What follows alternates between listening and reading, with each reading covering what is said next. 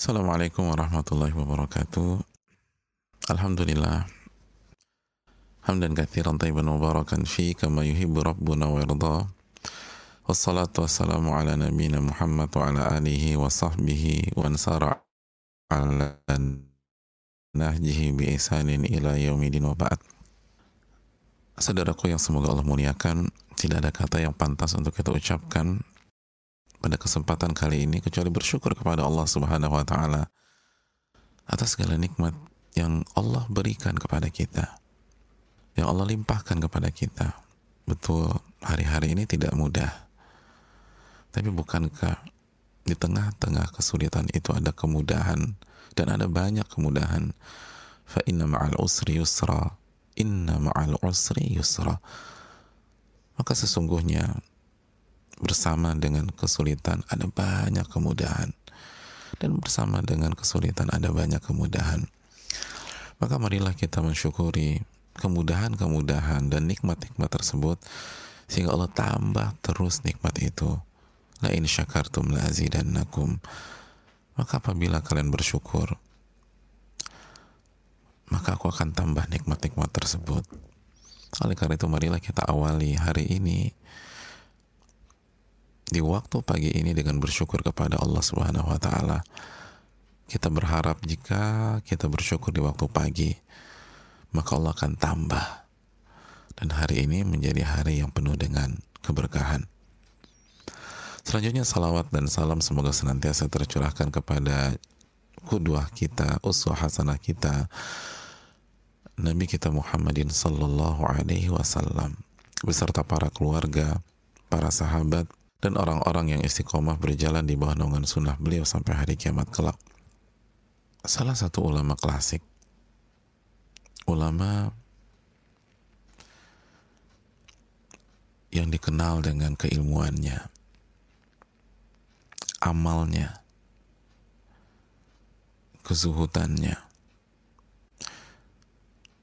dan berbagai macam sifat-sifat baiknya Al-Imam Al-Hasan Al-Basri rahimahullahu taala.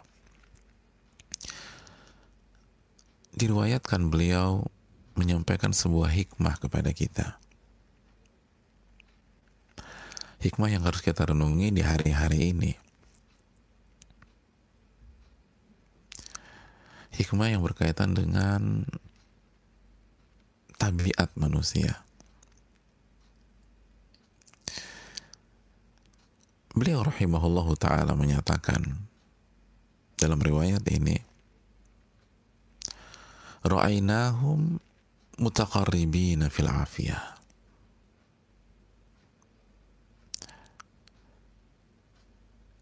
Di, literasi yang lain Ra'ainahum mutaqarribina fin ni'am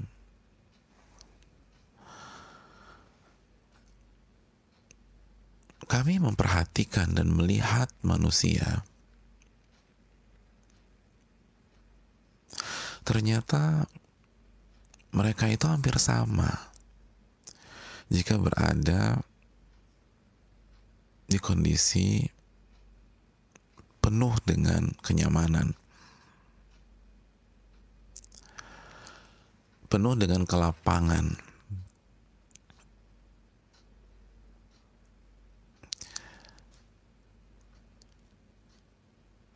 wahum fil bala tabayanu.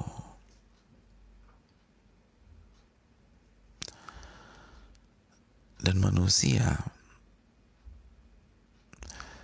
ketika ditimpa dengan bencana ketika ada musibah ketika ada pandemi seperti ini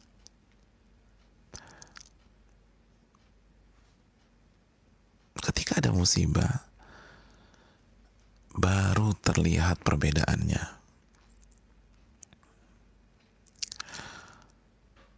Baru terlihat perbedaannya. Mereka ternyata berbeda, gak sama. Mereka bertingkat-tingkat. Saudaraku yang Allah muliakan, Dan itulah kenyataan yang disampaikan oleh para ulama kita. Manusia itu hampir sama. Kalau lagi pegang uang, sama-sama tenang, nyaman.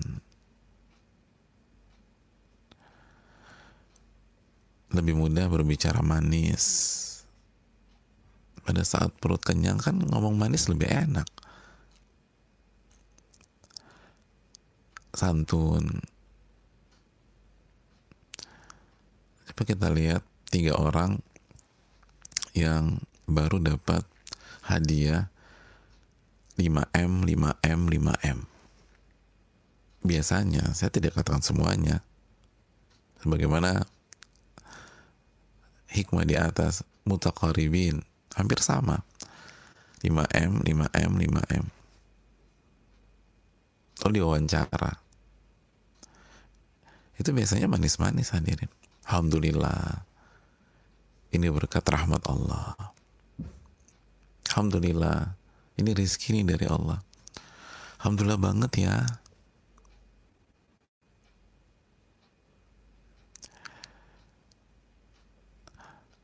Atau kita kasih saya kasih Anda 5M, 5M, 5M. Tapi dengan syarat habis dapat itu kalian tenang ya. Kira-kira mereka bisa tenang nggak? Tenang, tenang gitu. Jaga sikap.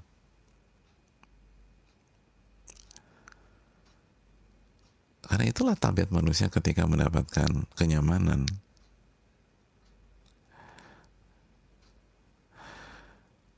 Kita undang tiga orang lalu kita kasih voucher hotel. Semua presiden suite. Ini presiden suite ini saya kasih presiden suite. Presiden suite di hotel bintang 5 habis ini pada tidur ya tidur yang nyenyak ya. Kira-kira mereka tidur yang nyenyak kak secara umum mereka akan tidur yang nyenyak. Ya nggak heran presiden suite di hotel bintang 5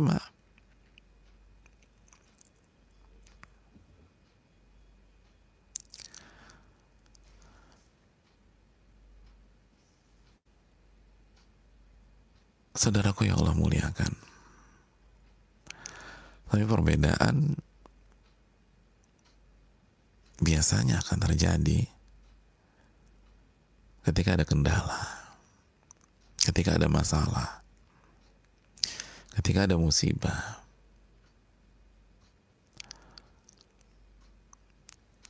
Wahum fil bala'i tabayanu. Mereka akan terlihat perbedaannya biasanya ketika ada masalah, ada musibah, ketika sakit, ketika dagangannya, jualannya, atau usahanya nggak laku, omset terjun bebas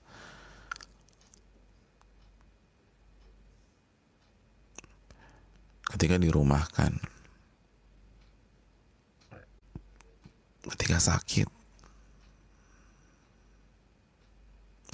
ketika semua planning berantakan, tabayanu, maka akan terlihat. Siapa yang berzikir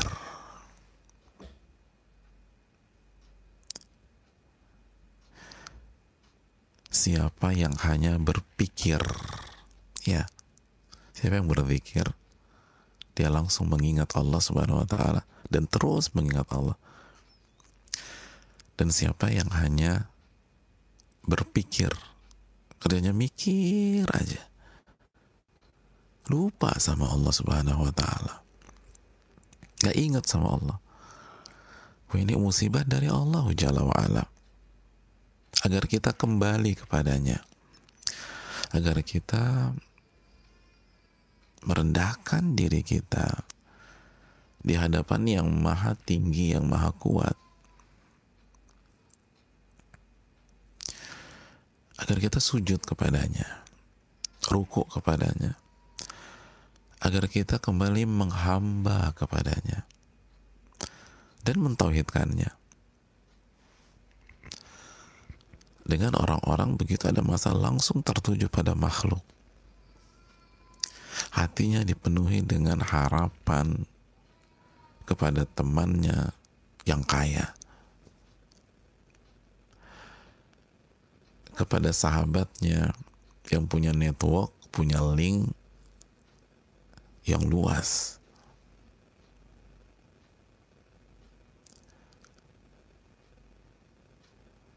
Kepada saudaranya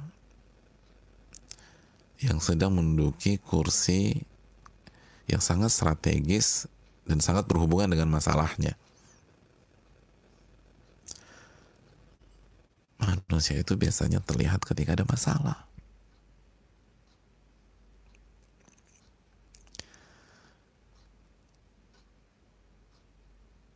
Terbukti mana yang ori, mana yang KW.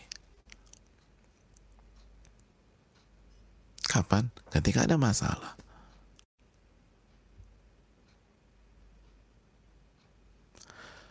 Sama kan seperti kondisi hari-hari ini.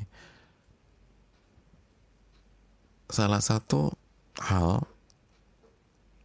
di kondisi seperti ini itu kan terbukti mana yang siapa di antara kita yang imunitasnya kuat, siapa yang imunitasnya jatuh misalnya. Itu kapan? Ketika virus masuk. Terlepas apa virusnya.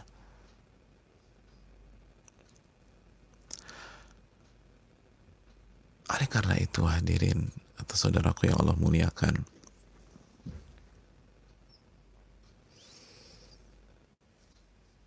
Inilah salah satu hikmah dari masalah, hikmah dari musibah hikmah dari pandemi, hikmah dari kedatangan COVID-19, kenapa Allah takdirkan ke sini. Salah satu hikmahnya, salah satu hikmahnya untuk membuktikan siapa yang beriman dan siapa yang kawe dalam imannya. Siapa yang sabar dan siapa yang bermain hanya dengan hawa nafsunya. Siapa yang kembali kepada Allah dan siapa yang kembali kepada makhluk semata. Saling tolong menolong di antara makhluk nggak ada masalah.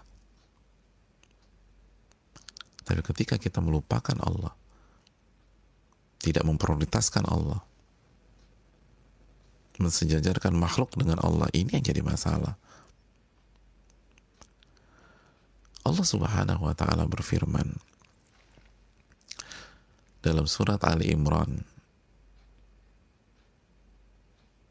ما كان الله ليظهر المؤمنين على ما أنتم عليه حتى يميز الخبيث من الطيب Surat Ali Imran ayat 179.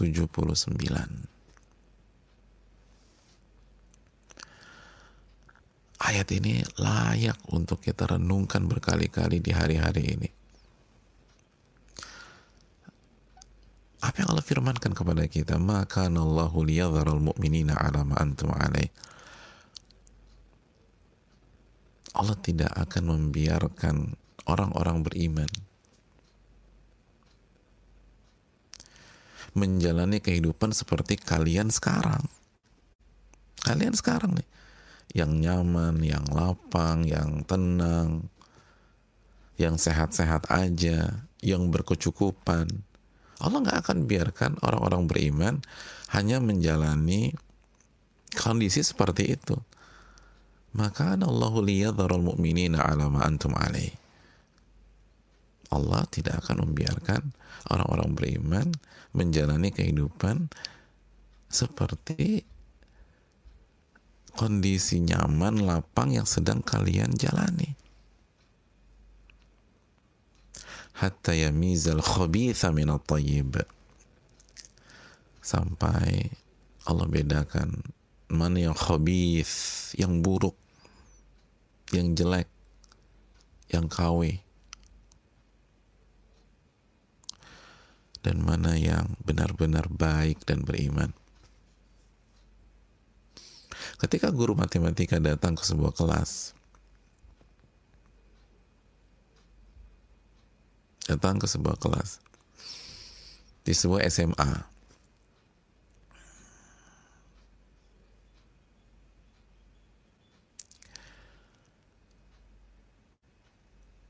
Lalu ketika masuk, isinya tentang bercerita apa yang dilakukan oleh sang guru atau murid-murid di liburan kemarin. Jadi ini minggu-minggu pertama masuk. Minggu-minggu pertama masuk cerita. Ada yang ke Taman Safari, ada yang ke Taman Mini, ada yang ke Lombok,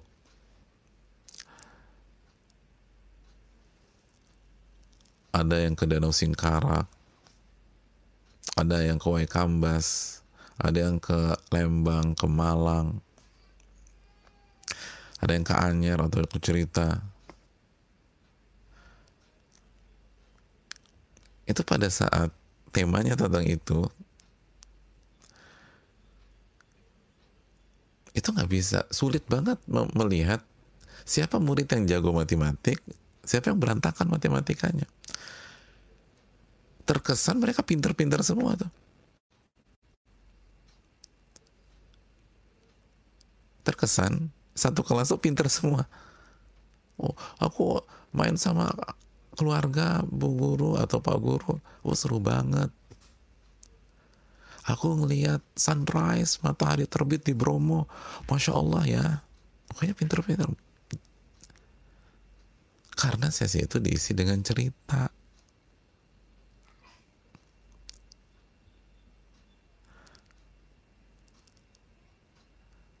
atau guru matematikanya masuk di kelas salah satu kelas kelas 3 SMA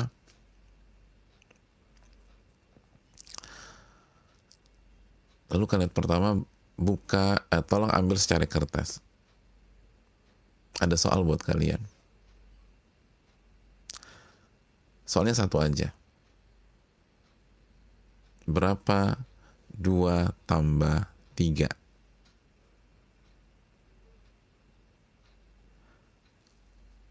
Ibu kasih waktu lima menit, kumpulkan hasilnya. Itu hadirin. Kalau ujiannya seperti itu, itu terkesan satu kelas pinter-pinter semua. Ada 30 anak. Terus tiga tiga nya bilang Pak Guru lima menit kelamaan. Satu menit aja. Pak Guru satu menit mah kelamaan. 30 detik aja. Pak Guru 10 detik. Kata Pak Guru yang benar. Iya benar.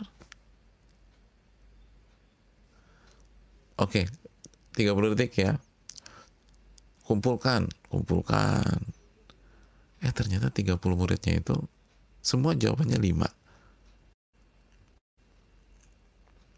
Lalu kata pak gurunya, pinter-pinter kalian ya. Saudaraku yang Allah muliakan. Semua terlihat pinter-pinter. Kenapa? Karena ujiannya sangat rendah kualitasnya.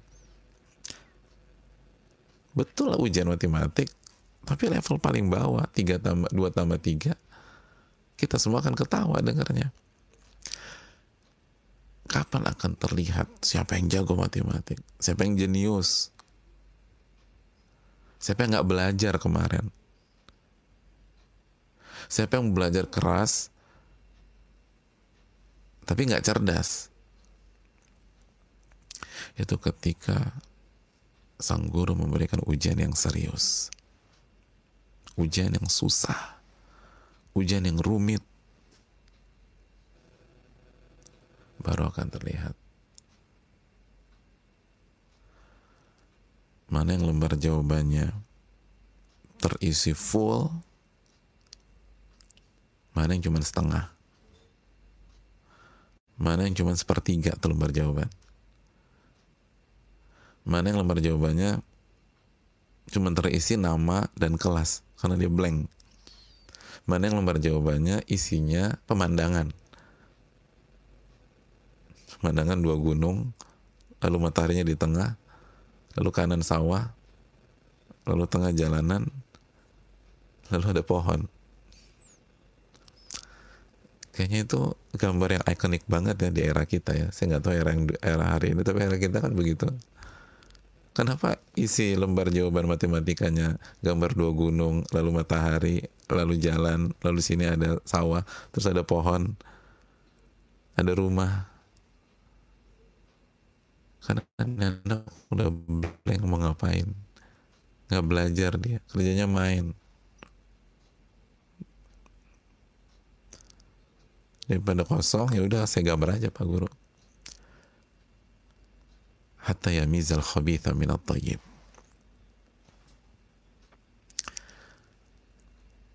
Sampai terlihat bedanya. Mana yang khabith mana yang buruk?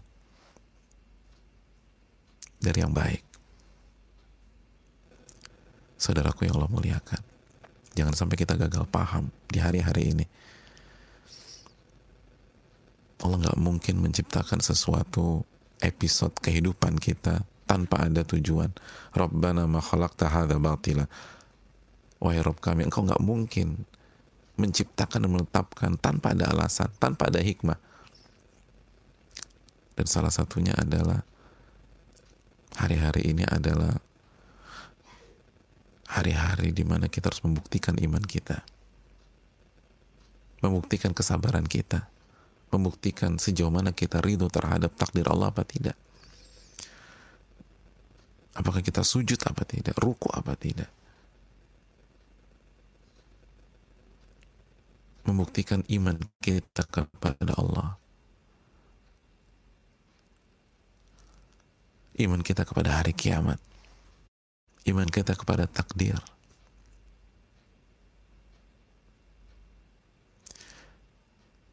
di hari-hari inilah semua itu akan terbukti. Atau di hari-hari seperti ini itu akan terlihat.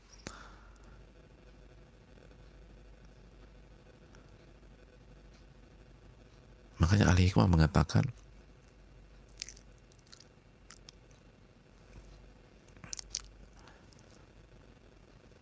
lihatlah siapa yang jadi sahabat Anda dan teman Anda pada saat kondisi susah, bukan pada saat kondisi senang. Ini hari-hari kesetiaan, saudaraku. Ini hari-hari loyalitas. Ini hari-hari keimanan. Ini hari-hari bergantungnya seorang hamba kepada Rabbul Alamin. Khususnya ketika vaksin atau obat belum ditemukan ini hari-hari bagaimana kita minta kepada penciptanya. Ini hari-hari optimisme. Ini hari-hari mental. Siapa yang bermental baja dan pejuang? Siapa yang pengecut dan mundur? Ini hari-hari yang yakin kepada Allah dan meragukan kekuasaan Allah Subhanahu wa taala. Oh, ini luar biasa. Sekali lagi ini hari-hari kesetiaan. Sejauh mana Anda setia dengan Rob Anda?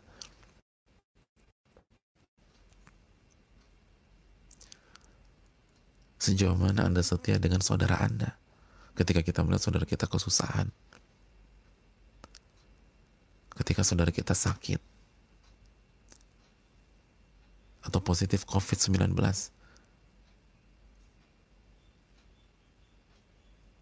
Masihkah kita mau menyapanya, mensupportnya, memberikan motivasi sama dia? Ini waktu yang sangat berharga untuk melihat siapa yang benar-benar sahabat dekat, siapa penjilat.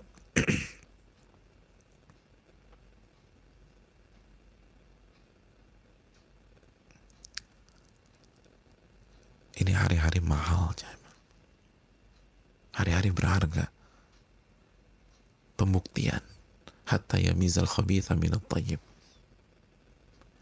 Di sinilah orang-orang besar menampilkan kelasnya. Di sinilah para ahli tauhid terlihat. Di hari-hari seperti inilah orang yang yakin dan beriman itu melangkah.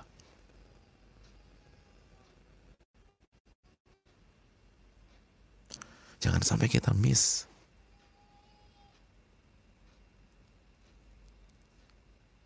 Jangan sampai kita gagal paham terhadap hakikat hari-hari ini. Wafil balai tabayanu. Manusia sekali lagi dalam kondisi bencana baru akan terlihat siapa yang berkelas, siapa yang pecundang. Dan ini tentang kita. Bukan ketajaman kita menilai orang lain. Ini tentang kita. Evaluasi diri kita. Ini momentum. Dan buktikan sedalam apa kita beriman kepada Allah.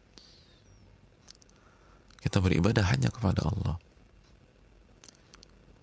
Hari-hari ini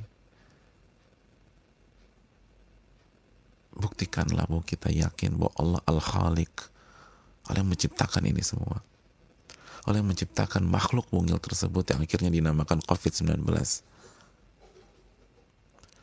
Sejauh mana kita yakin makhluk mungil ini tidak bergerak secara independen, tapi ada yang mengatur,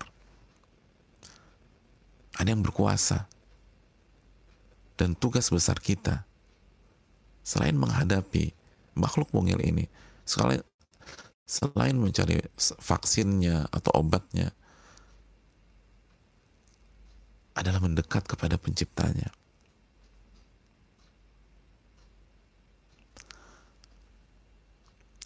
Hatta yamizal khabitha minat tayyib. Allah nggak akan biarkan kita lapang dari awal sampai akhir kehidupan kita. Pasti ada fase sulit, ada fase bencana, ada fase musibah. Dan tujuannya untuk memisahkan yang buruk dari yang baik. Dan semoga kita termasuk ke dalam orang-orang yang beriman. Dan kita minta kepada Allah taufik, hidayah, petunjuk agar kita diberikan keistiqomahan. Dan kita doakan saudara-saudara kita yang sakit, pejuang-pejuang medis, aparat, dan semua yang berjuang agar mereka semua diberikan taufik oleh Allah Subhanahu wa taala. Sehingga mereka menjadi orang sakit yang sabar, orang sakit yang ridho.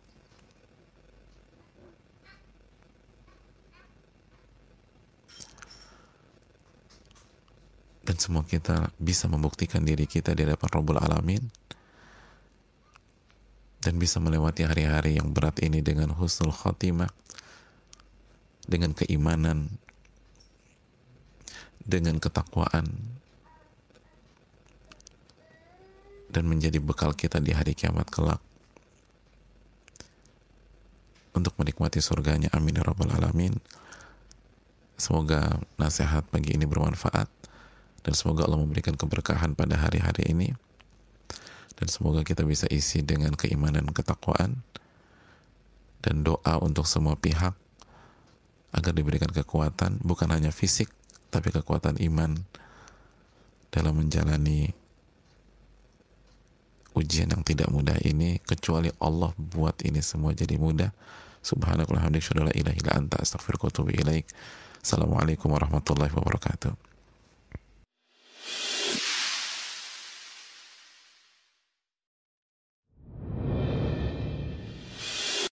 Assalamualaikum warahmatullahi wabarakatuh إن الحمد لله نحمده ونستعينه ونستغفره ونعوذ بالله من شرور أنفسنا ومن سيئات أعمالنا.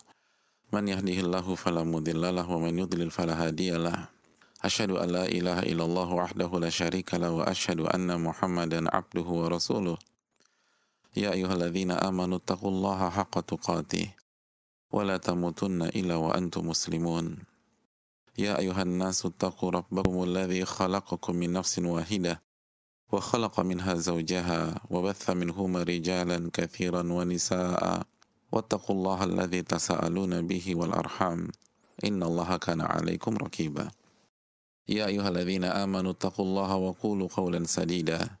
يصلح لكم أعمالكم ويكفر لكم ذنوبكم. ومن يطع الله ورسوله فقد فاز فوزا عظيما. Amma ba'du jamaah yang Allah muliakan, saudaraku yang semoga kita semua mendapatkan limpahan karunia, keberkahan, dan ridho dari Allah Subhanahu wa Ta'ala. Tidak kata yang pantas untuk kita ucapkan pada pagi hari ini di waktu yang Allah berkahi dalam keseluruhan hari yang akan kita jalani bersama-sama ini. Nabi kita Sallallahu Alaihi Wasallam bersabda, "Burika li ummati fi bukuriha." Umatku itu diberkahi di waktu paginya. Maka apabila di waktu pagi ini kita isi dengan sholat qobliyah subuh, lalu sholat subuh, lalu zikir pagi, lalu menuntut ilmu. Semoga Allah Subhanahu wa Ta'ala menjadikan ini adalah start yang baik bagi kita di waktu pagi, sehingga di detik-detik berikutnya Allah akan berikan keberkahan kepada kita. Saudaraku yang Allah muliakan, Selanjutnya, semoga salawat dan salam semoga senantiasa tercurahkan kepada junjungan kita Nabi kita Muhammadin Sallallahu Alaihi Wasallam beserta para keluarga, para sahabat, dan orang-orang yang istiqomah berjalan di bawah naungan sunnah beliau sampai hari kiamat kelak. Saudaraku yang Allah muliakan, sebagaimana kita ketahui bersama, kita berada di hari-hari yang tidak mudah, kecuali Allah mudahkan. Hari-hari di mana omset kita turun secara umum, pemasukan kita terjun bebas, aktivitas kita terpangkas, bahkan sebagian dari kita sudah dirumahkan. Dan yang belum, sebagian sudah berjalan secara bertatih-tatih. Belum lagi wabah ini grafiknya menaik terus dari hari ke hari. Kata para ahli, kita belum memasuki hari-hari peak atau puncak dari wabah COVID-19. Kesehatan kita terganggu, dan yang terlihat sehat bisa jadi menularkan kepada teman atau saudaranya. Belum lagi jaga jarak sosial, dan sebagian mengisolasi dirinya baik yang ada di rumah maupun yang ada di rumah sakit. Itu membuat hari-hari ini seakan-akan kita ditabrak dari kanan dan kiri, depan dan belakang, secara fisik, secara materi, dan secara psikis dan kejiwaan. Dan sebagai bangsa di zaman atau di era pada saat ini, bisa dikatakan ini pengalaman baru bagi kita. Artinya kita tidak punya pengalaman sebelumnya menghadapi situasi seperti ini. Tidak heran banyak yang down, banyak yang terjatuh secara mental. Dan itulah yang kita sampaikan pada kesempatan kemarin pagi. Manusia mulai menampakkan perbedaannya ketika berada di waktu sulit dan bencana. Sebagaimana ucapan Al-Imam Hasan Al-Basri, Ru'ainahum mutaqaribina fil afiyah fil ni'am. Kami melihat manusia itu dalam kondisi nyaman, dalam kondisi lapang, cenderung hampir sama. Wa idha waqa'al bala tabayanu. Dan apabila bencana itu datang, maka terlihatlah perbedaan di antara mereka. Siapa yang beriman, siapa yang tidak. Siapa yang mengembalikan kepada Allah, siapa yang bergantung kepada makhluk. Siapa yang sujud dan ruku, siapa yang sibuk mendekat kepada makhluk tapi melupakan Allah Subhanahu wa taala. Oleh karena itu, hari-hari ini bukan alasan untuk tidak tampil sebagai orang baik di mata Allah lalu di mata manusia, hari-hari ini bukan alasan untuk tidak beribadah. Karena justru di sinilah hari-hari pembuktian dan hari-hari pembedanya. Dan salah satu pembeda di hari-hari ini adalah akhlak seorang muslim. Sekaligus mentalnya seorang muslim yang bernama optimisme. Seorang muslim, ia tampil beda di hari-hari ini. Orang yang beriman, ia menampakkan dan menampilkan kelasnya di hari-hari ini di antaranya dia akan menghadapi dengan penuh optimis seberat apa pun hari esok menurut prediksi manusia. Kenapa demikian? Karena dia punya ilmu. Dan ilmu itu melahirkan keyakinan. Dan di antara ilmunya adalah sabda Nabi Wasallam dalam hadis Bukhari dan lain-lain yu'jibunil fa'lu aku takjub dan kagum dengan optimisme.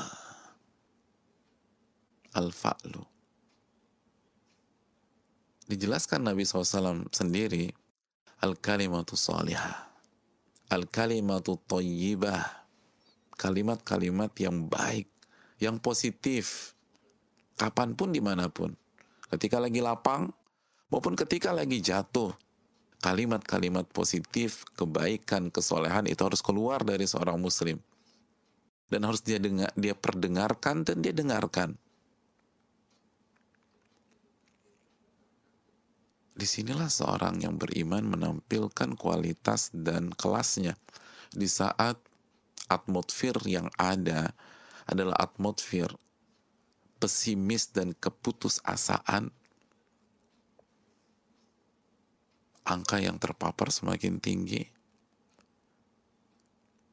lalu daya beli semakin berkurang omset jatuh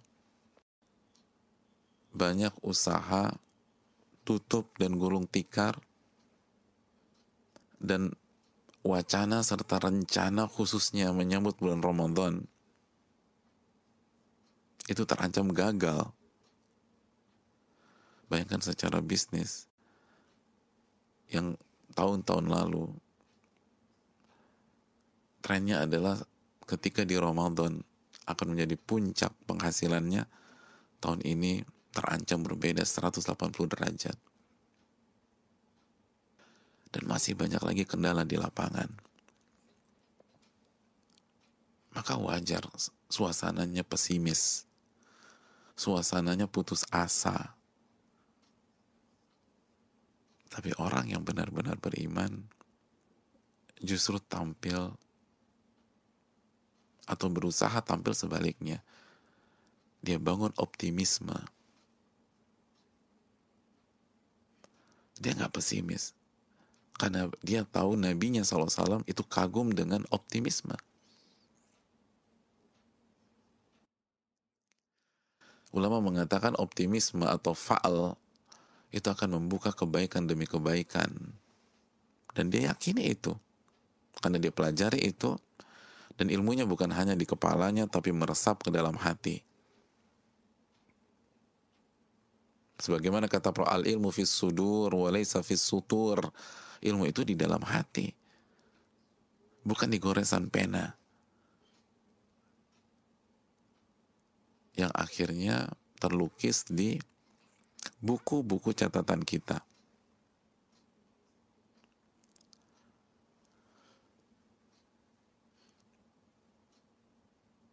Karena dia yakin bahwa keputusasaan, pesimis, itu sifat yang dibenci oleh Allah. Dan ibarat air dan minyak dengan orang-orang beriman. Allah berfirman dalam surat Yusuf ayat 87 wala tayasu min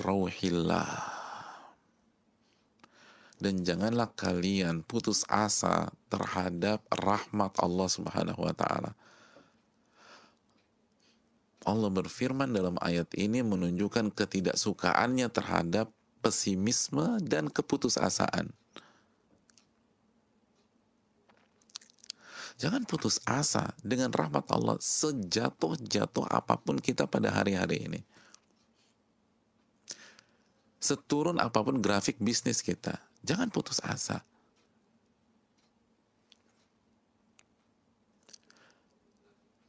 Jangan negatif. Jangan pesimis. Walatai asumin rawhillah. Dan jangan kalian putus asa dari rahmat Allah.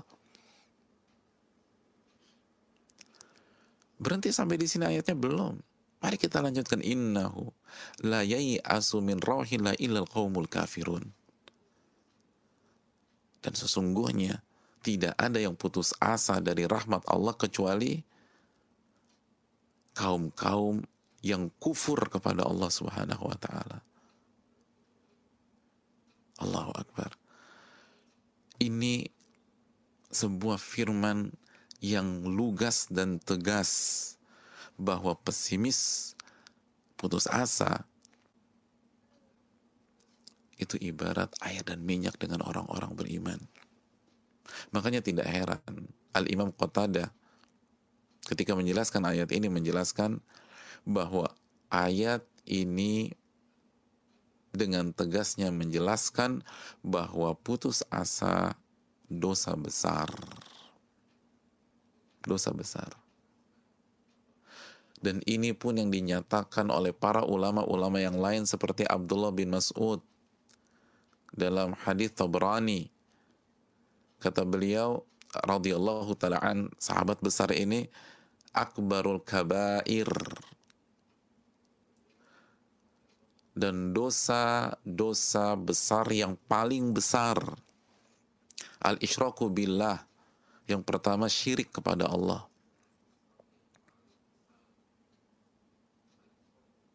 dan yang kedua al amnu min makrillah yang kedua, merasa aman dari murka Allah. Dia bermaksiat dan dia merasa aman dengan maksiatnya. Kata Abdullah bin Mas'ud itu dosa besar, yang paling besar. Atau di antara dosa besar yang paling besar. Lalu yang ketiga dan keempat apa? Putus asa dari rahmat Allah subhanahu wa ta'ala. Putus asa dari rahmat Allah. Itu di antara dosa-dosa yang sangat besar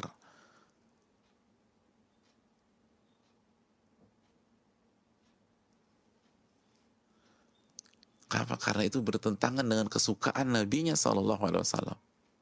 Nabi suka dan kagum dengan optimisme.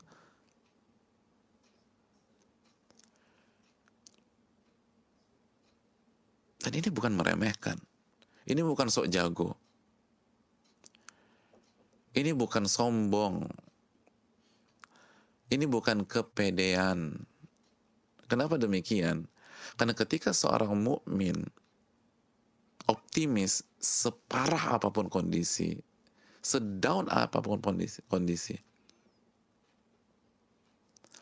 Ketika dia difonis positif COVID-19 misalnya, apalagi dia belum sampai difonis dan masih diberikan nikmat sehat oleh Allah. Kita sepakat bahwa nikmat sehat lebih mahal daripada nikmat harta. Ketika dia optimis, di saat hal-hal itu terjadi di hari-hari ini bukan dirinya yang dimajukan. Bukan dirinya yang diangkat sebagaimana gayanya orang-orang sombong. Tapi orang-orang beriman melakukan itu semua karena ia mengagungkan Allah Subhanahu wa taala. Karena keyakinannya kepada Allah karena mereka kembali kepada Allah saudaraku yang Allah muliakan kita sudah jelaskan bahwa tujuan musibah bencana apalagi pandemi seperti saat ini adalah agar orang kembali kepada Allah. Wa bil wa dalam surat Al-An'am ayat 42 yang sudah kita kaji bersama. Dan kami timpakan kesulitan, musibah, rasa sakit agar apa? Agar mereka kembali kepada Allah, agar mereka tadarru hanya beribadah kepada Allah. Hanya berharap kepada Allah Subhanahu wa taala. Harap yang disertai dengan kerendahan, ketundukan dan kepatuhan kepada Allah. agar mereka taat kepada Allah, sujud kepada Allah, agar mereka istiqanah, kembali kepada Allah, merendahkan diri, tunduk kepada Rabbul Alamin. Ini kan tujuan ini semua. Lalu kita juga pelajari surat As-Sajdah dan surat Ar-Rum. La'allahum yarji'un. Agar mereka kembali kepada Allah.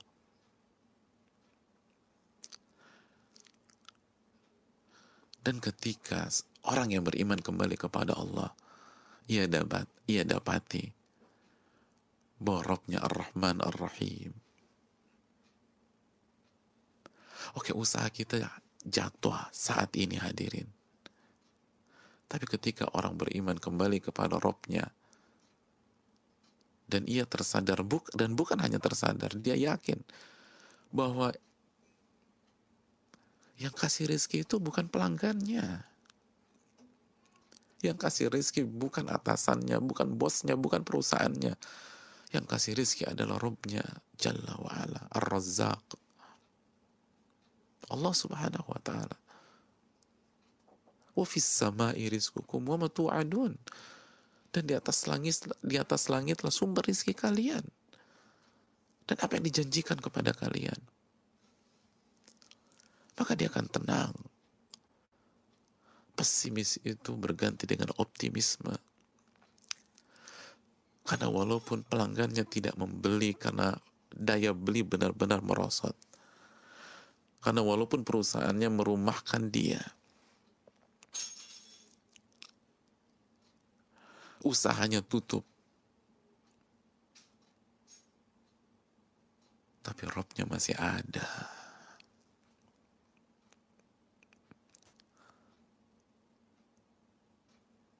Ar-Rahman itu ada.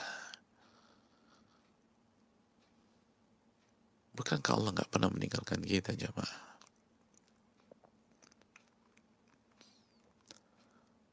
di saat tidak ada yang order, di saat semua planning kita berantakan di satu dua tiga bulan ini, di saat tidak ada pembeli, di saat tidak ada barang, tidak ada yang tertarik dengan jasa kita pada hari-hari ini. Rob kita bukan hanya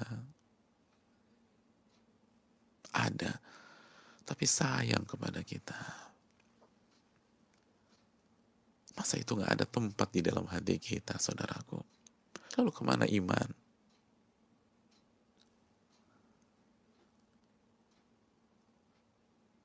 Yang bermain imannya, bukan kesombongannya.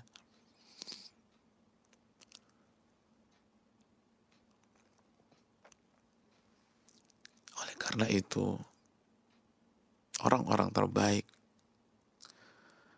itu tetap optimis walaupun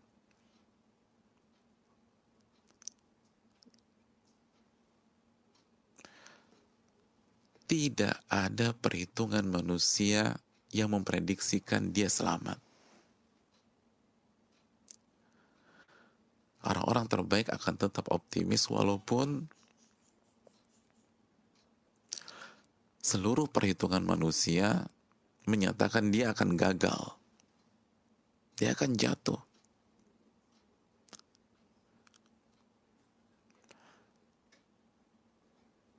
Karena dia tahu yang memutuskan bukan makhluk, bukan manusia. Tapi Allah penciptanya yang maha berkuasa atas segala sesuatu.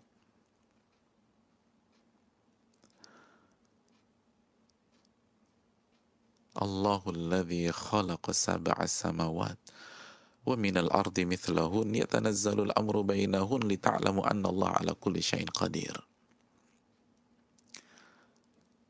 Dia yakin dengan surat At-Talaq ketika Allah berfirman, Allah yang menciptakan tujuh lapis langit dan tujuh lapis bumi dan Allah turunkan ketetapannya melintasi lapisan-lapisan tersebut Allah tetapkan takdirnya. Allah tetap hari-hari ini kita harus memasuki masa-masa yang gak mudah, masa-masa yang berat. Tujuannya apa? Untuk men menjatuhkan kita, menyakiti kita, menghempaskan kita? Tidak. Tujuannya li ta'lamu annallaha ala kulli syai'in qadir. Agar kalian mengetahui dan meyakini bahwa Allah lah yang maha berkuasa.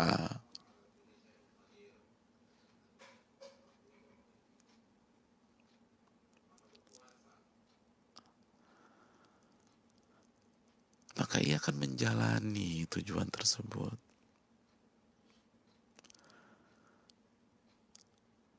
Dan meyakini bahwa yang berkuasa bukan makhluk tapi Rabbuna Azza wa Jal tapi Allah Subhanahu wa taala. Maka walaupun manusia bilang Anda akan gagal, Anda akan gagal, Anda akan gagal. Tapi Robnya bilang Anda akan berhasil maka dia optimis dan dia lebih percaya kepada Robnya sejarah mencatat bagaimana salah satu yang terbaik dari yang terbaik dikejar oleh pasukan yang menjadi simbol kekuatan sepanjang masa Fir'aun dan bala tentaranya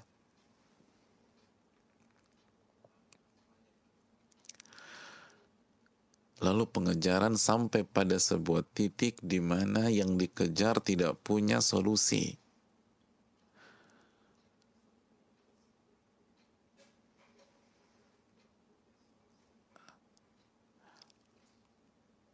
Dan kalau bahasa hari ini fatality rate-nya itu tinggi banget, mungkin 100% di depan Laut Merah dan di belakang Fir'aun. Allah ceritakan hari itu.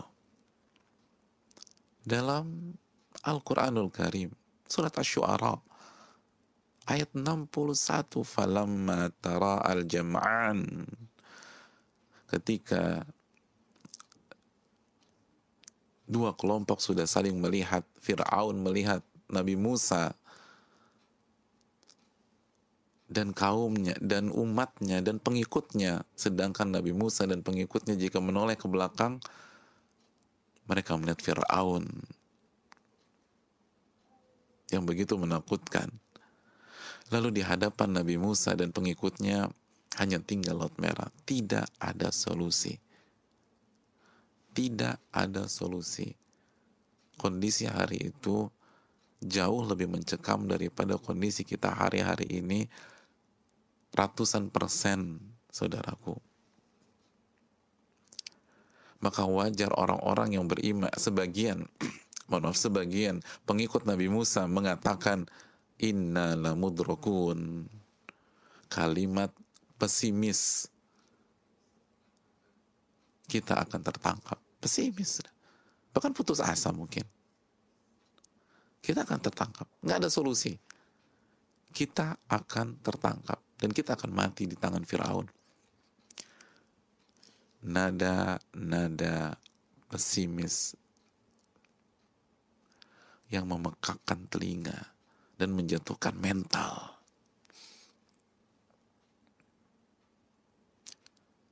Coba renungkan kalau kita berada di rombongan Nabi Musa. Apakah kita bisa tidak goyang? Ketika satu bilang kita akan ketangkap, kita akan ketangkap, depan kita akan ketangkap. Oh nggak bisa nih, ini mustahil. Tapi apa yang dikatakan Nabi Musa alaihissalam? Kita buka ayat berikutnya. Qala kalla inna ma'i rabbi sayahdin. Kata Nabi Musa sekali-sekali tidak demikian. Bukan begitu cara berpikirnya. Bukan begitu mentalnya. Bukan pesimisme yang kita bangun detik ini. Karena sesungguhnya Robku bersama dengan aku dan ia akan kasih petunjuk. Allah Akbar. Kalimat optimisme yang begitu tinggi.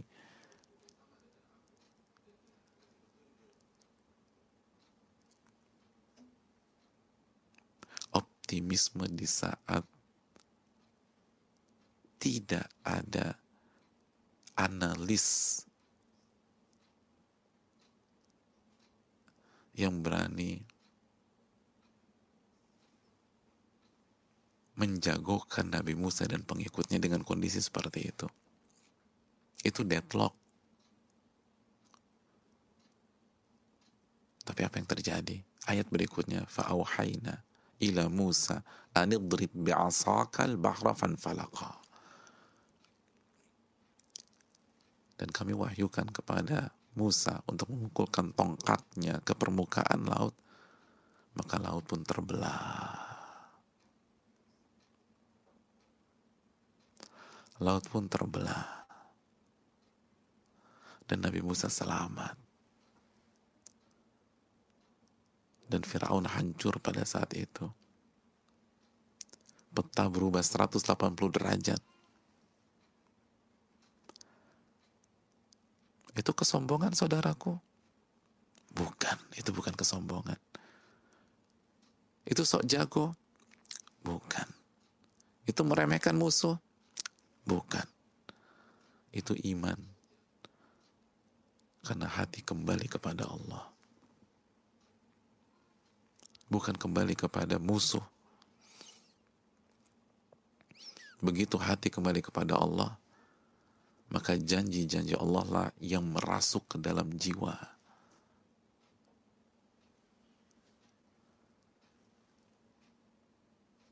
وَمَنْ يَتَّقِ اللَّهِ يَجْعَلْ لَهُ مَخْرَجَ وَيَرْزُقُ مِنْ حَيْثُ لَا يَحْتَسِبْ Barang siapa yang bertakwa, Allah akan berikan solusi dan Allah akan berikan rezeki dari arah yang tidak pernah ia duga-duga.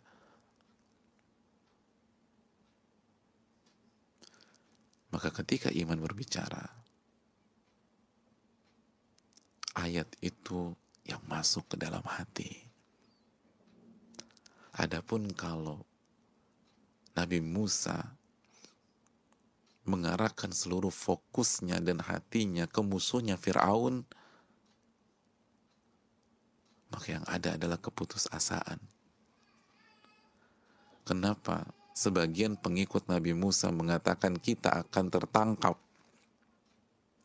Karena fokus mereka ke makhluk makhluk yang bernama Laut Merah di depan dan makhluk yang bernama Fir'aun dan bala tentaranya di belakang. Maka apa yang terjadi? Maaf, apa yang terjadi? Down, pesimis dan putus asa. Down, pesimis dan putus asa.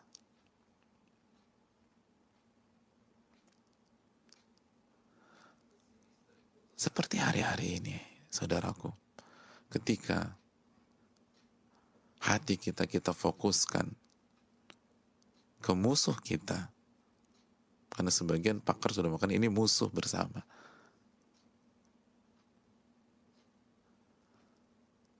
Hati dan pikiran kita kita fokuskan ke COVID-19. Maka kita akan pesimis dan kita akan putus asa.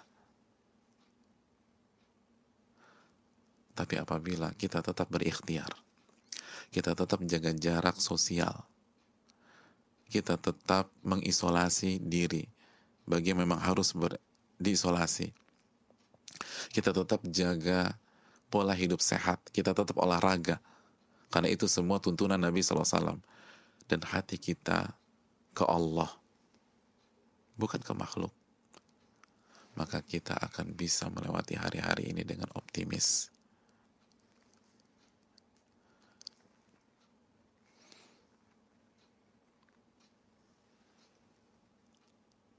Qala kalla inna ma'iya rabbi sayahdin.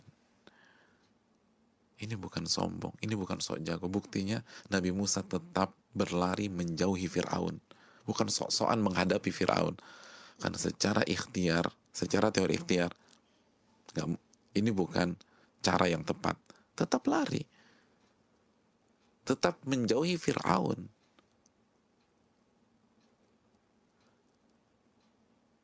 tapi hati tidak lari dari Allah. Sama, kita jangan sok-sokan hari ini.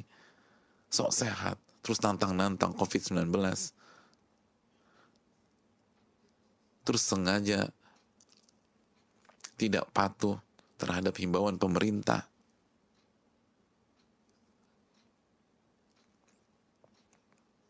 Adapun orang yang keluar karena alasan yang benar-benar penting, butuh untuk nafkah, maka semoga Allah jaga mereka. Tapi yang jadi masalah kalau kita sok jago, sok ngeremehin. Bukan seperti Nabi Musa tetap lari hadirin. Fir'aun mendekat, Nabi Musa lari terus menjauh. Tapi yang lari fisik, yang lari langkah kaki, yang lari tubuh, adapun hati,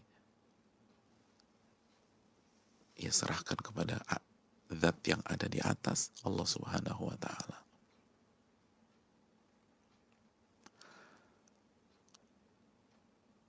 Oleh karena itu, hari-hari ini pupuklah optimisme. Sebagaimana orang-orang beriman sebelum kita bermain di level tersebut. Minta pertolongan kepada Allah agar Allah memberikan taufik kepada kita, memberikan iman kepada kita, memberikan keyakinan kepada kita sehingga kita tetap optimis. Tanamkan keyakinan bahwa jika kita bertakwa Allah akan berikan jalan keluar. Demi Allah Allah akan berikan jalan keluar. Dan rizki dari arah yang tidak pernah kita duga-duga ini saatnya kita lebih mendahulukan iman kita daripada logika kita. Logika kita hari ini sudah terbukti berantakan hadirin. Tidak bisa menjawab.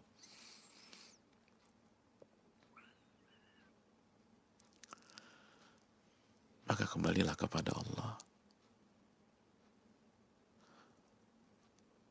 dan orang-orang beriman. Ia optimis dengan perjuangan. Dia optimis dengan pengorbanan. Dia optimis dengan ikhtiar. Dia optimis dengan sujud dan rukuknya. Dia optimis dengan menjaga zikir pagi petangnya. Dia optimis dengan menjaga salat duhanya dan rawatibnya dia optimis dengan tetap membantu sesama. Dia optimis dengan tetap berusaha menjadi kepala keluarga yang bertanggung jawab.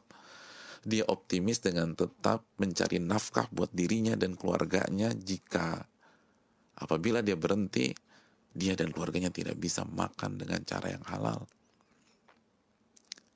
Tapi dia tetap optimis. Dia optimis dengan takwa Kenapa dia optimis? Karena dia yakin dengan janji Allah dalam surat Al-A'raf ayat 128 wal aqibatu lil muttaqin. Dan akhir semua ini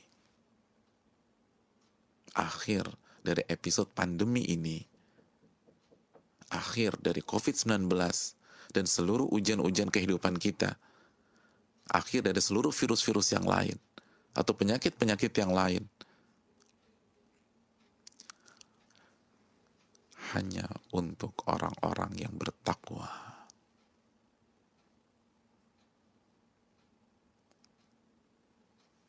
Maka ia berusaha bertakwa.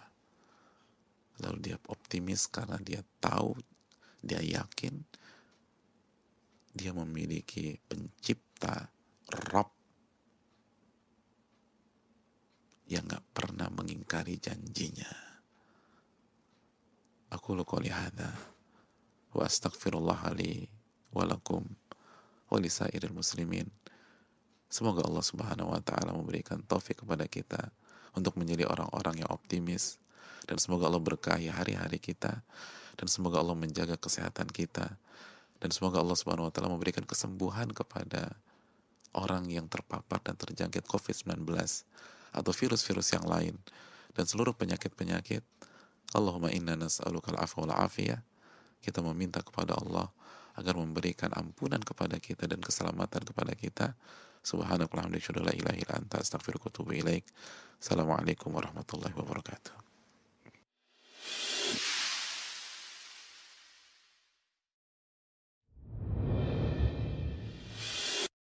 Assalamualaikum warahmatullahi wabarakatuh. Alhamdulillah hamdan kathiran tayyiban mubarakan fi wa salamu ala nabiyina Muhammadin wa ala alihi wa sahbihi wa man sara ala nahjihi bi ihsanin ila yaumidin wa ba'd Saudaraku yang semoga Allah muliakan tidak ada kata yang pantas untuk kita ucapkan di awal hari ini kecuali kata puji puja kita kepada Allah, syukur kita kepada Allah Subhanahu wa taala. Kita berharap ketika kita bersyukur di pagi hari, maka Allah akan tambah nikmat-nikmatnya itu di waktu duha, di siang, di sore, dan di malam hari. Karena dialah subhanahu wa ta'ala yang berfirman, La in syakartum la azidannakum. Jika kalian bersyukur, niscaya aku akan tambah nikmatku kepada kalian. Maka bersyukurlah kepada Allah Subhanahu wa taala dan isilah waktu pagi ini dengan hal-hal yang bermanfaat. Dan jangan sampai kita sebaliknya. Pagi ini kita mengeluh, pagi ini kita mengumpat, pagi ini kita marah-marah, akhirnya kita lupa bersyukur kepada Allah Subhanahu wa taala. Karena orang-orang yang marah-marah itu fokusnya ke masalah. Orang yang marah-marah itu fokusnya ke problem, bukan mensyukuri nikmat Allah. Maka wajar jika hari ini hidupnya berantakan, hidupnya nggak menyenangkan. Karena Allah yang berfirman, Wala in kafartum inna adzabi syadid. Dan kalau kalian kufur nikmat nggak bersyukur kepada Allah, ketahuilah azabku sangat pedih. Oleh karena itu marilah kita bersyukur dan terus bersyukur kepada Allah Subhanahu wa taala. Khususnya di pagi hari karena ini adalah awal dari cerita kehidupan kita pada hari ini. Selanjutnya salawat dan salam semoga senantiasa tercurahkan kepada junjungan kita Nabi kita Muhammadin Sallallahu Alaihi Wasallam beserta para keluarga, para sahabat, dan orang-orang yang istiqomah berjalan di bawah naungan sunnah beliau sampai hari kiamat kelak.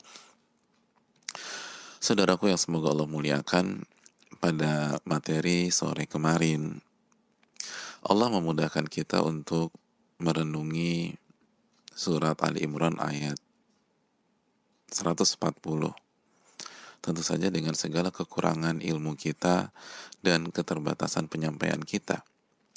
Tapi di ayat itulah kita tuh dibuka sama Allah Subhanahu wa taala bahwa terjadinya perubahan kondisi secara drastis atau khususnya secara drastis apalagi secara masif secara makro seperti hari ini secara bersamaan di berbagai macam belahan dunia.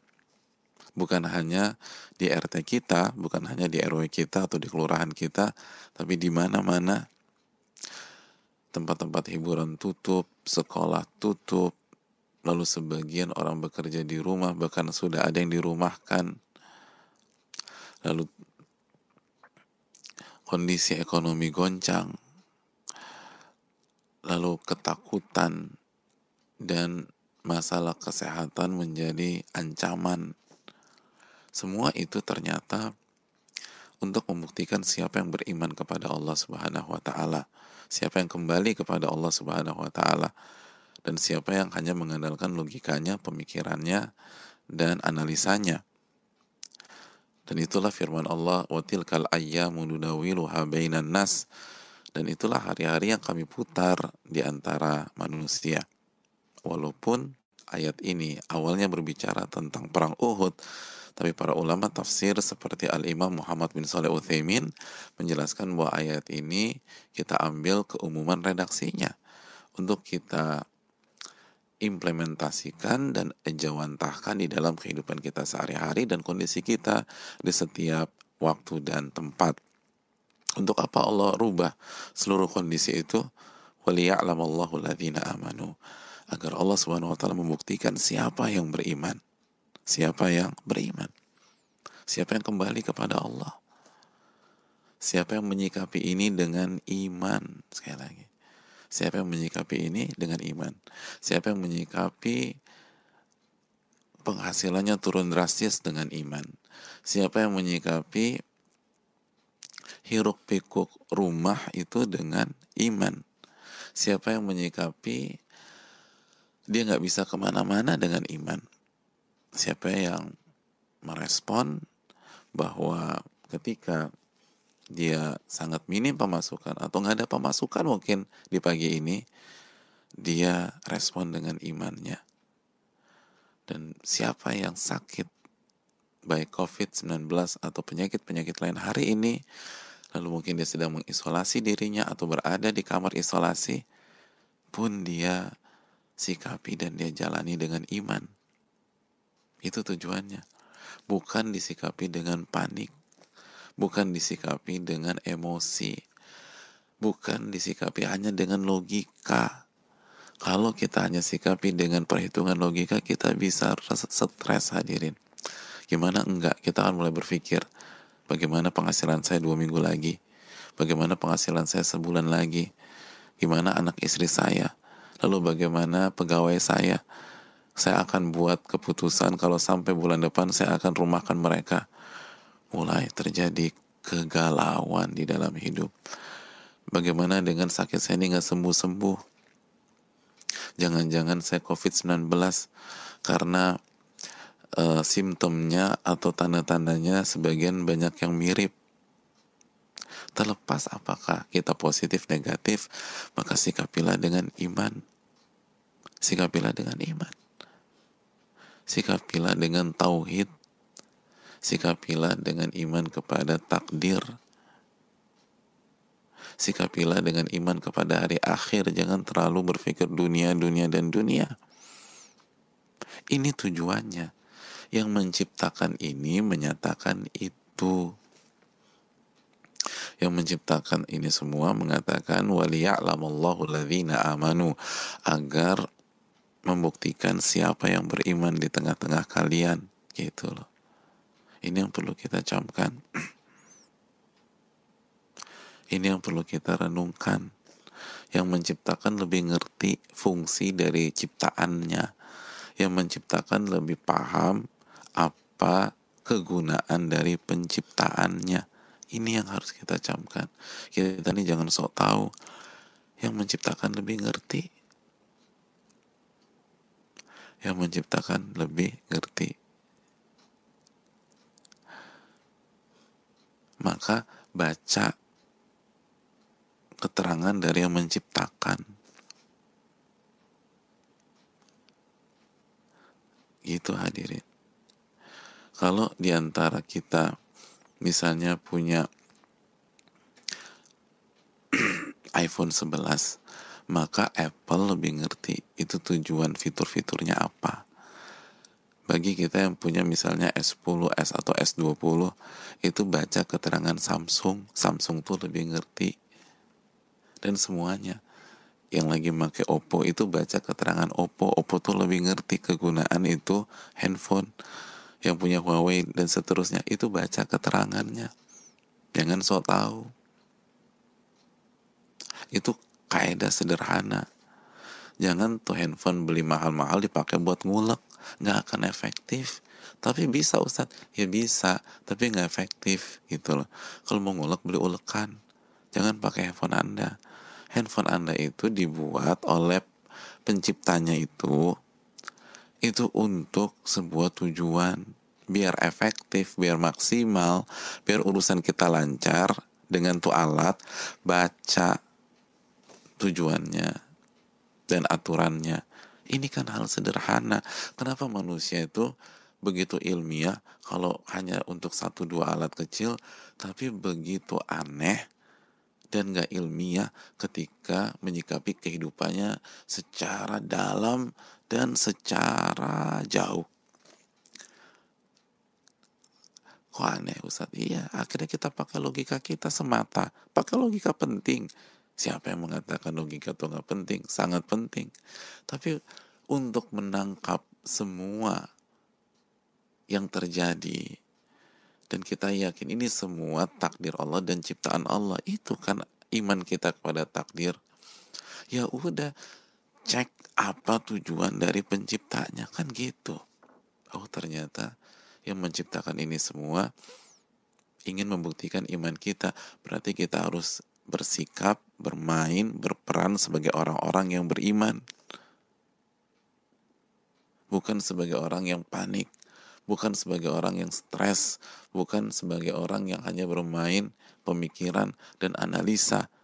Analisa itu digunakan, pemikiran itu diterapkan, tetapi harus dalam kontrol dan cahaya iman. Nah saudaraku yang Allah muliakan, ketika kita sepakat dengan konsep ini, nah orang-orang beriman itu sikapnya seperti apa sih? Kalau kita bicara tentang ini, maka pembicaraan sangat panjang. Tapi coba kita pilih keterangan para ulama kita yang berkaitan dengan kondisi kita sekarang. Di pertemuan yang lalu kita sempat menyampaikan keterangan dari Ubay bin Kaab, tapi belum selesai.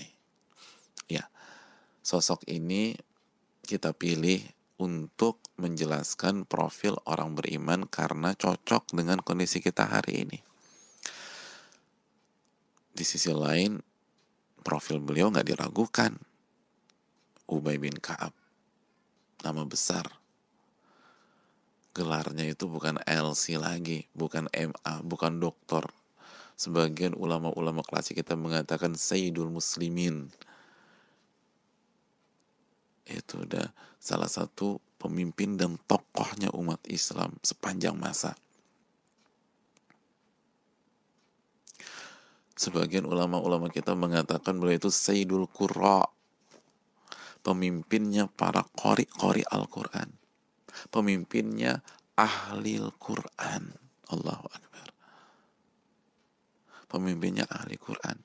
Umar bin Khattab radhiyallahu taala anhu mengatakan barang siapa yang ingin belajar Al-Qur'an ke Ubay bin Ka'ab. Masya Allah. Ke Ubay bin Ka'ab. Barang siapa yang ingin mempelajari Al-Quran, belajar dari Ubay bin Ka'ab.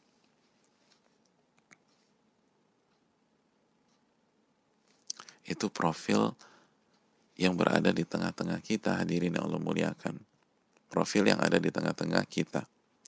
Dan hadirin yang Allah muliakan, dan sosok ini direkomendasi oleh Umar bin Khattab. Kata Umar, kita ini ngerti Ja'ala indakum ilman. Allah tuh udah kasih ilmu sama engkau, ya Ubay.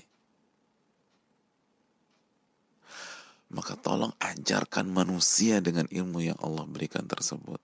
Allahu Akbar. Allah tuh udah kasih ilmu kepada engkau. Maka ajarkan manusia ilmumu itu. Jadi ilmunya Ubay bin Kaab itu sangat direkomendasikan oleh para pakar di antaranya Umar bin Khattab radhiyallahu taalaan. Dan kata Ma'mar, semua mengenal bagaimana Abdullah bin Abbas.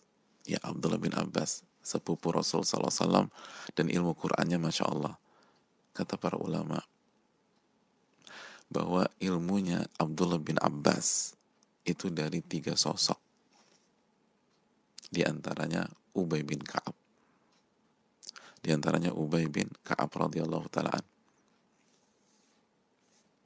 duanya Umar dan kalau nggak salah Ali bin Abi Thalib radhiyallahu taala anhuma jadi Ubay bin Ka'ab ini sosok di balik ilmunya Abdullah bin Abbas. Jadi nggak diragukan lagi. Nah, seperti apa seorang beriman?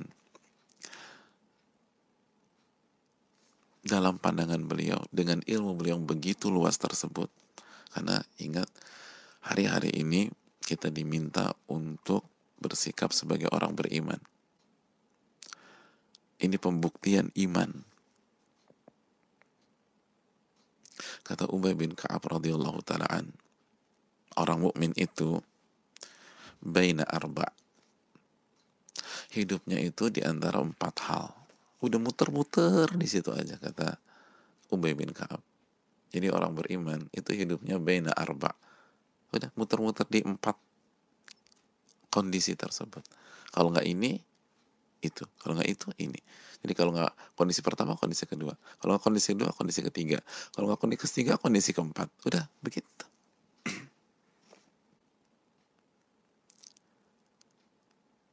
Muter-muter di empat kondisi. Itu gambaran beliau secara global. Kondisi pertama, idab tulia sobar. Jika dia sedang ditimpa musibah, dia bersabar. Ketika dia ditimpa sakit, dia bersabar. Ketika dia di PHK, dia bersabar. Ketika omsetnya turun 90%, ada yang 80%, dia bersabar. Ketika dia dirumahkan, dia bersabar.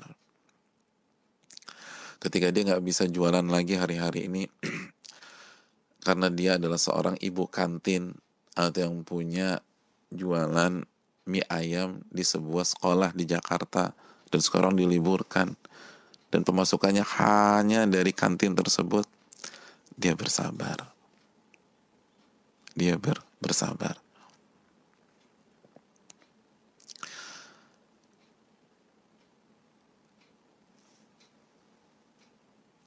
disikapi dengan sabar dan ketika dia positif COVID-19 atau penyakit-penyakit lain, dia bersabar. Dia bersabar.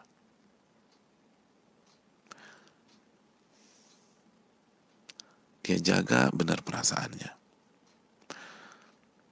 Dia tahan gejolak. Sabar itu secara bahasa imsak, saudaraku. Menahan menahan diri kita, emosi kita, amarah kita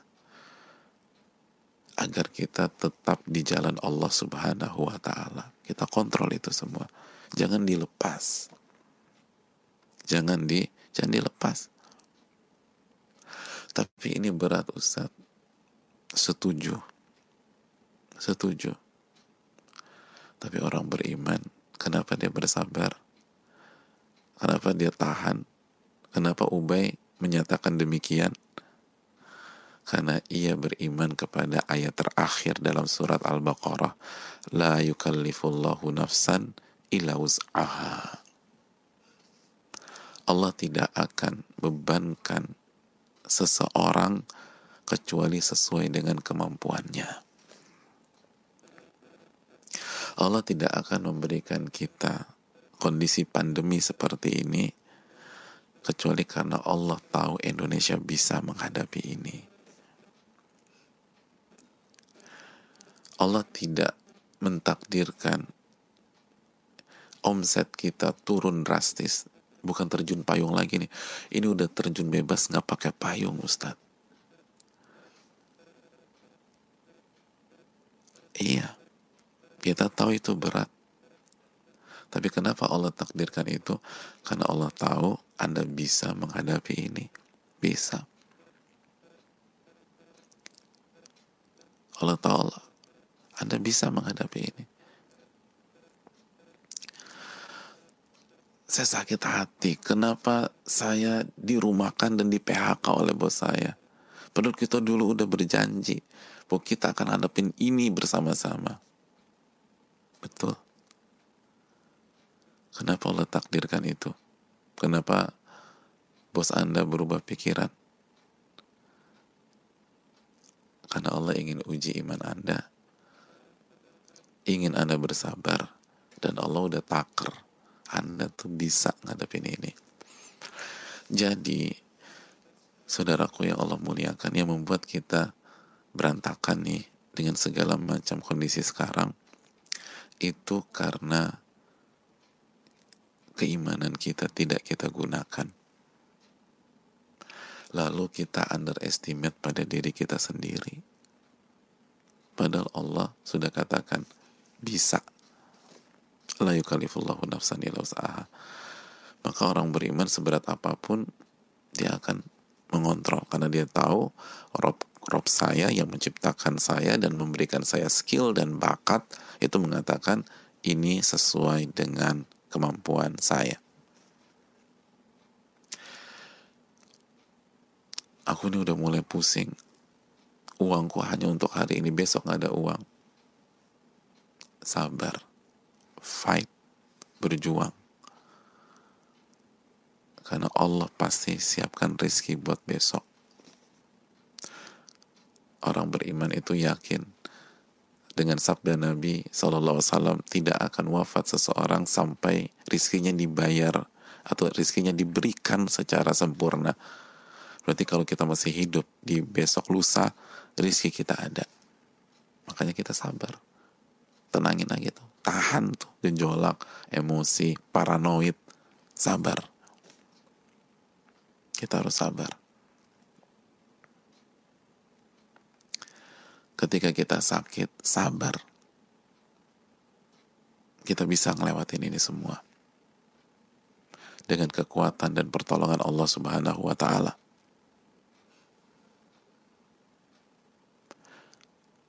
Sabar. Ini satu-satunya solusi. Iman itu satu-satunya solusi. Ini ujian keimanan. Lalu salah satu bentuk kesabaran sabar dalam menjalani himbauan pemerintah. Melakukan jaga jarak fisik sosial atau yang biasa dikenal social distancing atau physical distancing jaga jarak. Lalu sabar dalam pakai masker pakai hand sanitizer dan niatkan untuk bertakarub kepada Allah melakukan tindakan preventif karena itu semua butuh kesabaran. Ini kan kita lagi dikasih musibah sampai kita harus pakai masker, pakai hand sanitizer dan lain-lain. Emangnya nyaman apa pakai masker? Gak ada enak-enaknya. Kalau bagi saya ya. Emangnya gampang disiplin pakai hand sanitizer atau disiplin cuci tangan? Susah. Sabar. Orang beriman itu bermain dengan cara demikian. Sabar. Dan ketika mereka melakukan itu pakai hand sanitizer, cuci tangan, lalu uh, pakai masker kalau mereka keluar dan berinteraksi mereka bukan paranoid bukan paranoid tapi mereka lakukan itu karena mereka berusaha membuktikan imannya dan orang beriman itu sabar di atas jalan Allah Subhanahu wa taala. Dan dia bertekad seberat apa pun kondisi ke depan dan di hari esok dia tidak akan melakukan hal-hal maksiat. Ah itu itu sabar tuh kata Ubay bin Kaab. Dia nggak akan memperkeruh kondisi dan suasana. Dia nggak akan ambil harta dengan cara yang haram. Dia nggak akan nyuri, dia nggak akan nyolong, dia akan dia nggak akan ngerampok, dia nggak akan ngejarah, apalagi dia nggak akan buat kondisi jadi chaos. Dia tetap jaga kondisi.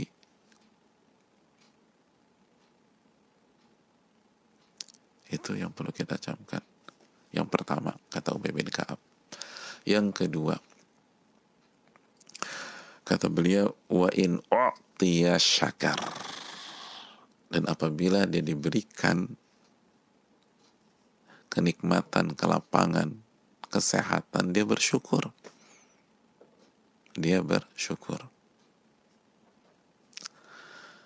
Jadi ketika hari ini kita masih diberikan kesehatan di saat sudah ribuan saudara-saudara kita dan teman-teman kita itu positif COVID-19. Ada jutaan orang sakit hari ini. Baik itu COVID maupun yang lain. Karena yang lain juga penting untuk kita rangkul. Maka kita bersyukur, bukan leha-leha, bukan leyeh-leyeh, bukan sibuk segala macam. Oh, Anda bersyukur. dengan sampai Anda kufur nikmat Allah cabut, baru Anda merengek dan nangis. Mumpung masih bersyukur. Syukuri nikmat ini. Kayaknya besok aku nggak punya uang deh. Tapi anda masih sehat gak? iya syukurin. Bersyukur. Itulah cara kita keluar dari pandemi ini dengan banyak bersyukur. Dan nanti kita akan ada sesi khusus insya Allah ta'ala. Karena Allah yang mengatakan la syakartum la azidannakum. Jika kalian bersyukur aku akan tambah nikmat tersebut. Kita syukur ini kita dikasih sehat kemarin jadi kita bersyukur banget tadi malam dan pagi ini. Maka hari ini Allah akan tambah. Kita bersyukur masih ada uang, walaupun sedikit. Syukuri. Gunakan untuk ketaatan. Jangan gunakan untuk maksiat atau hal-hal mubah yang berlebih-lebihan. Daripada hal-hal mubah, daripada kuota kita habis nggak jelas, mendingan tuh uang kita sumbangin. Kita kita sumbangin untuk donasi APD misalnya. Kita kasih orang-orang kecil yang lewat depan rumah kita. Daripada habis buat kuota nggak jelas.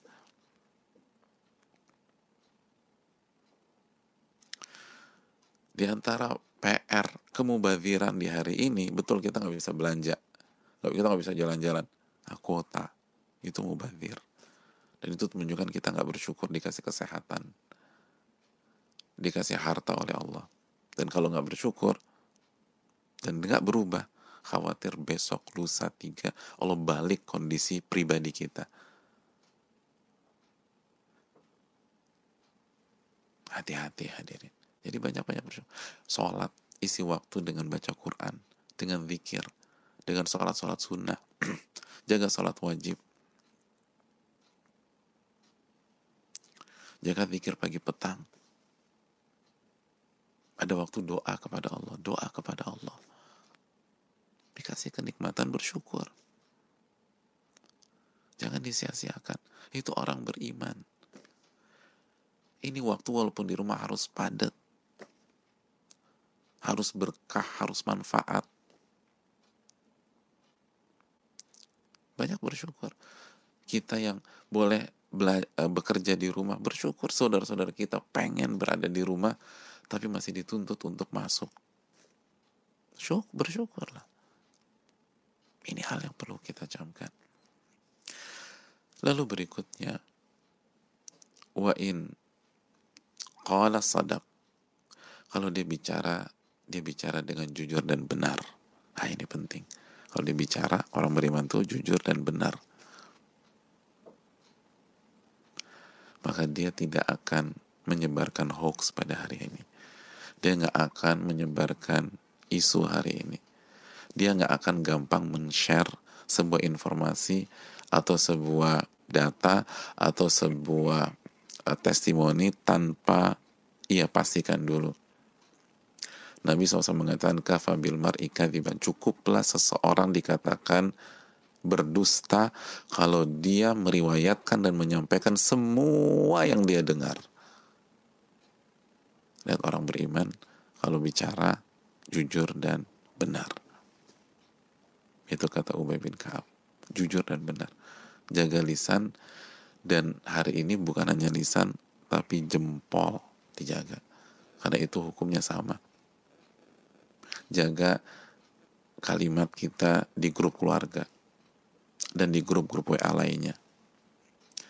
Dan jaga komentar kita di sosial media. Ingat bersikaplah sebagai orang beriman. Walaupun kita misalnya pakai akun lain, bukan nama kita yang ter, tertera di sana. Kita pakai akun-akun siluman misalnya. Emangnya Allah nggak tahu hadirin. Ala ya'lamu man khalaqa Alam ya'lam bi anna Allah yara. Tidakkah dia tahu Allah maha mengetahui? Ini ujian keimanan. Ini bukan Anda bisa di-track sama orang atau tidak. Ini bukan tentang Anda bisa diketahui identitasnya atau tidak oleh teman Anda atau siapa pun itu. Ini pembuktian iman kita kepada pencipta kita yang maha mengetahui dan maha mendengar. Lalu yang terakhir wa in hakama adal dan kalau dia memutuskan bersikap maka dia bersikap dengan adil. Ketika dia memutuskan dia memutuskan dengan adil dia nggak akan zolimin orang. Dia nggak akan zolimin orang. Dan adil itu adil di antara makna dasarnya adalah wad'u fi mahalli menetap meletakkan sesuatu di tempatnya di tempatnya ya adil mulai dari hal paling kecil mau sampai hal yang paling besar. Hal yang paling kecil paling besar. Paling kecil apa sih? Ya perintilan perintilan di rumah kita. Taruh barang di tempatnya. Gitu. Itu adil. Begitu kita taruh handuk sembarangan. Terus mainan sembarangan masker dibuang sembarangan. Nah itu nggak adil. Itu bukan ciri-ciri orang beriman. Makanya edukasi anak-anak kita pada main di rumah nih. Nah, harus dirapiin lagi dibenerin gitu nah, ini para suami-suami ini. Termasuk saya juga. Kadang-kadang kita kalau habis mandi pakai handuk main taruh di kasur aja. Nggak ditaruh lagi. Ah ini nggak adil. Gitu hadirin. Jadi taruh sesuatu di tempatnya taruh sesuatu di tempatnya. Lalu saudaraku yang Allah muliakan mulai terus terus di level berikutnya. Di antaranya juga kalau kita harus memutuskan memutuskan misalnya tutup usaha atau keputusan ini pegawai kita rumahkan masih kita gaji apa enggak nih? Nah, harus adil jangan zolimin orang perjuangkan mereka. Perjuangkan mereka. Lebih baik kita korban barang daripada kita korbankan mereka dan keluarga mereka. Selama kita mampu tentu saja. Selama kita mampu. Walaupun mereka nggak tahu apa yang kita korbankan Allah tahu hadirin. Allah tahu. Jadi kan lawannya adil apa sih? Zolim gitu jangan zolimi pegawai jangan zolimi uh, pembantu kita misalnya, asisten rumah tangga, staf kita, dan lain-lain. Terus sampai adil yang paling tinggi, yaitu mentauhidkan Allah. Karena kesyirikan adalah inna syirka la zulmun azim dalam surat Luqman. Sesungguhnya kesyirikan itu kezoliman yang paling parah dan kezoliman lawan dari keadilan jangan melakukan kesyirikan di hari-hari ini. Jangan melakukan kesyirikan. Hati ini terpaut kepada Allah, jangan kepada makhluk. Merendah, menghamba hanya kepada Allah, jangan kepada makhluk. Meminta, beristianah, beristighosa hanya kepada Allah. Dalam hal-hal yang Allah, hanya Allah yang mampu. Kalau minta tolong hal-hal yang manusia mampu bisa, tapi isti'ana, apalagi istighosa itu minta kepada Allah Subhanahu wa taala. Maka itulah orang-orang yang beriman sebagaimana dikatakan Ubay bin Ka'ab. Oleh karena itu saudaraku, marilah kita isi hari-hari ini dengan iman. Ingat, hari-hari ini nggak mudah. Tapi sikapi semuanya, kondisi di rumah, hiruk pikuk di rumah, kondisi usaha kita, lalu pemasukan kita dengan iman, bukan dengan emosi dan kegalauan. Gak ada ayat yang nyuruh kita menyikapi ini semua dengan emosi.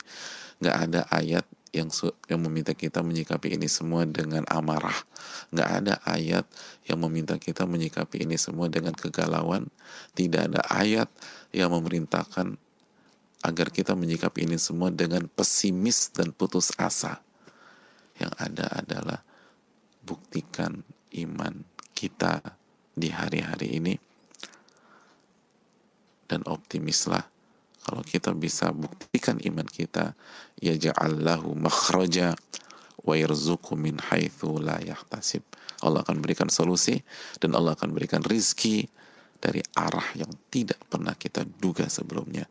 Ini bisa disampaikan. Terima kasih banyak. Subhanallah hamdik. Asyhadu alla ilaha illa anta astaghfiruka dan insyaallah kita akan uh, belajar bareng lagi nanti sore jam setengah lima jika Allah izinkan dan Allah berikan pertolongan kepada kita. Assalamualaikum warahmatullahi wabarakatuh.